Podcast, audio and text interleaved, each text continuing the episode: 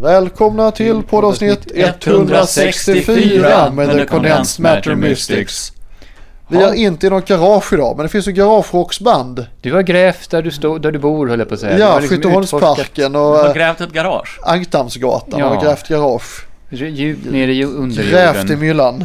Och vad Liksom hittade den du i lokala- den, Då den hittade jag ett, sol, sol, instrument, ett instrumentalband som heter The Bottle Ups med en arbetskamrat som var basist en gång i tiden och var på Alvesta på Rock Corner och spelade och även spelade på gräsrock Ja, i den Skytteholmsparken. legendariske Göran Salin. Ja, den legendariska Göran Salin. Basist i Bottle Ups som tydligen var ins- in, in, eh, Hank Williams inspirerade dem bland annat.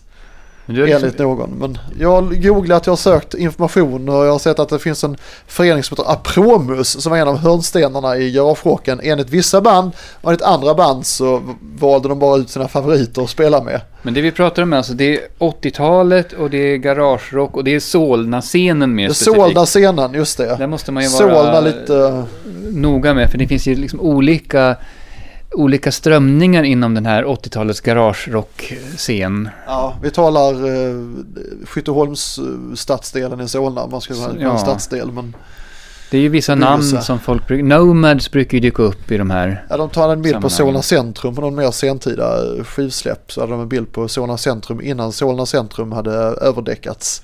Men det här är egentligen en scen som jag inte är så hemma på, just den här Solna-garagescenen. Inte jag heller, jag bara intresserat mig av det som kulturellt fenomen. Jag kände inte till The no- Nomads förrän i tisdags. Nej, alltså det finns ju, jag är i så fall, det finns ju andra aspekter av det här med 80-tals garagescenen som jag tycker är intressantare kanske, de här banden som var mera influerade av 60-tals garage. Vi har ju liksom Stomach Mouths och ehm, eh, Crimson Shadows till exempel med... Ja, med, Crimson med Shadows. Ja, Crimson England, Shadows. eller? Nej, det är svenska band. svenska också. band det är också. också svenska 80-talsgarage. Ja, Crimson Shadows med, med Måns P. Månsson Aha. till exempel, även känd från Maggots och Flight Reaction och så vidare. Jag brukar se, det händer ibland att jag ser Måns P. Månsson i närheten av mitt jobb. Eh, så jag tänker att han bor nog där någonstans. Vad häftigt. Eh, men hur som helst. Eh, det, det finns nog, om man söker på Crims- Crimson Shadows på Spotify så får man upp något annat band tror jag. Det finns några låtar med det svenska garagebandet Crimson Shadows på Ah. Spotify. Men sen så dyker det upp andra konstiga saker med drakar och grejer på, Oj. på omslagen som jag inte tror har någonting med, med någonting att göra. Ehm, men nu var det inte den, nu var det liksom den här Solna-scenen som, som var Jag var utgångspunkten fascinerad av som kulturellt fenomen. Att de hade en eh, närradiostation som hette Motvikt. Som var viktig då. Men då blev killarna som sände radio utslängda ur studion. Så då fick de helt enkelt spela in på kassettband hemma tror jag. Så langa in kassettbandet för att sändas i radio. För de blev portade från studion av någon anledning. Aj då. Eh, jag vet inte varför.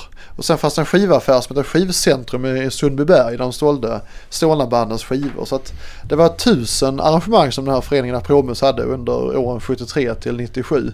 Men de fanns fortfarande, du skulle... Ja, jag ska gå på Apromus live nummer 6 för att under detta året så har de alltså återuppstått och börjat göra musik eller ha musikaktiviteter igen på eh, lunchrestaurang Hjulet i Solna.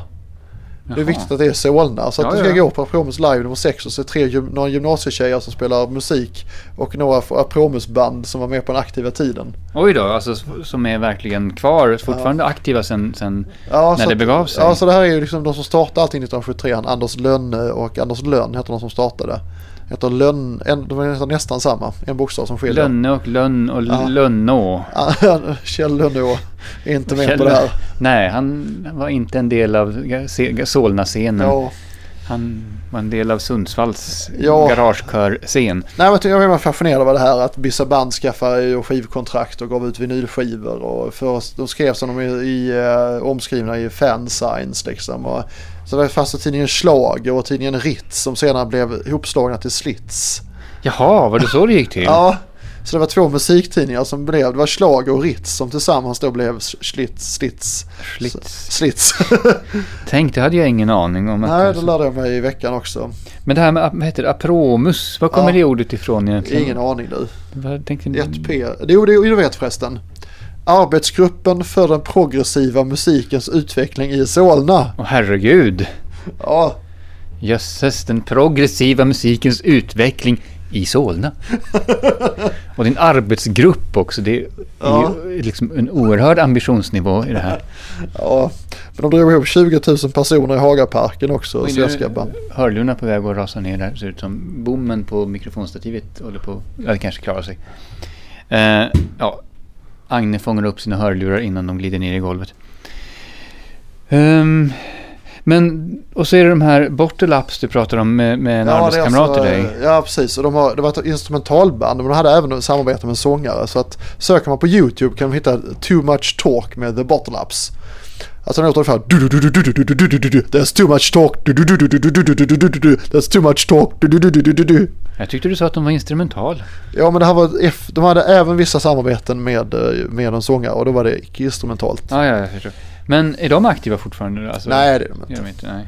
Så, så nu har vi introducerat er- till Solna-scenen och så får jag gå till er promus. Vi får stå och se hur det går här. Ja, dyk upp på lunchrestaurang Hjulet. När var Ja. det sa du? På lördag, eh, På lördag? klockan 20 börjar banden spela och 19 öppnar portarna. Så Ja, men- beställa mat också och vara med i. Kom dit och liksom upplev en fläkt från en svunnen tid. Ja, När Solna var liksom den klarast lysaste, lysande stjärnan på den svenska musikhimlen. ja. Kanske. Ja, ja precis. Jo, det var det ju. Enligt, Enligt vissa. enligt vissa, det var mycket aktivt i alla fall. Ja. Så är det. Så nu, lyssna och lär och eh, väl mött nästa vecka. Då tar vi upp någon annan sån här eh, provinsiell scen. Ja. Säffle-scenen Då var det. Rättvik till exempel på 80-talet. Ja du, det är... I början av 80-talet vet jag inte om det var så mycket. Sen kom det lite punkband Ah, det, framåt mitten, slutet av 80-talet som, ah. som, som höll igång. Och våra vissa håller nog på lite fortfarande. Ja. Så det är ju spännande. Vad kan de heta för någonting? De kan heta sånt som eh, Bertil Brullba Band eller Gråsuggorna. Eh, väldigt fiffiga namn. Det är Typiskt punkigt sådär. Det, det var det lite grann därför jag frågade. För jag tänker att då heter de säkert något kul om det var sådana här lokala punkförmågor. De brukar hitta på roliga namn. Ja, det fanns nog fler men det här med namn som, som fastnar i huvudet fastnar inte i huvudet. Typ. Nej. Jag förstår. Det kan Nej. ju både fastna och lossna liksom. Ja. Ja, nej, men intressant. Rättviksscenen, och punk 80-tal, scen till 80-tal är också en möjliga, möjligt framtida poddavsnitt helt enkelt. Ja, det finns väl inte så mycket mer att säga egentligen men Ja, då, har vi- Det då, finns väl en rik mylla att gräva i här har jag en känsla av. ja, För den som, som vill fördjupa sig. Jag så menar, det. det kan ju bli föremål för forskning det här också. vi återkommer här något. Adjö allihop. Adjö.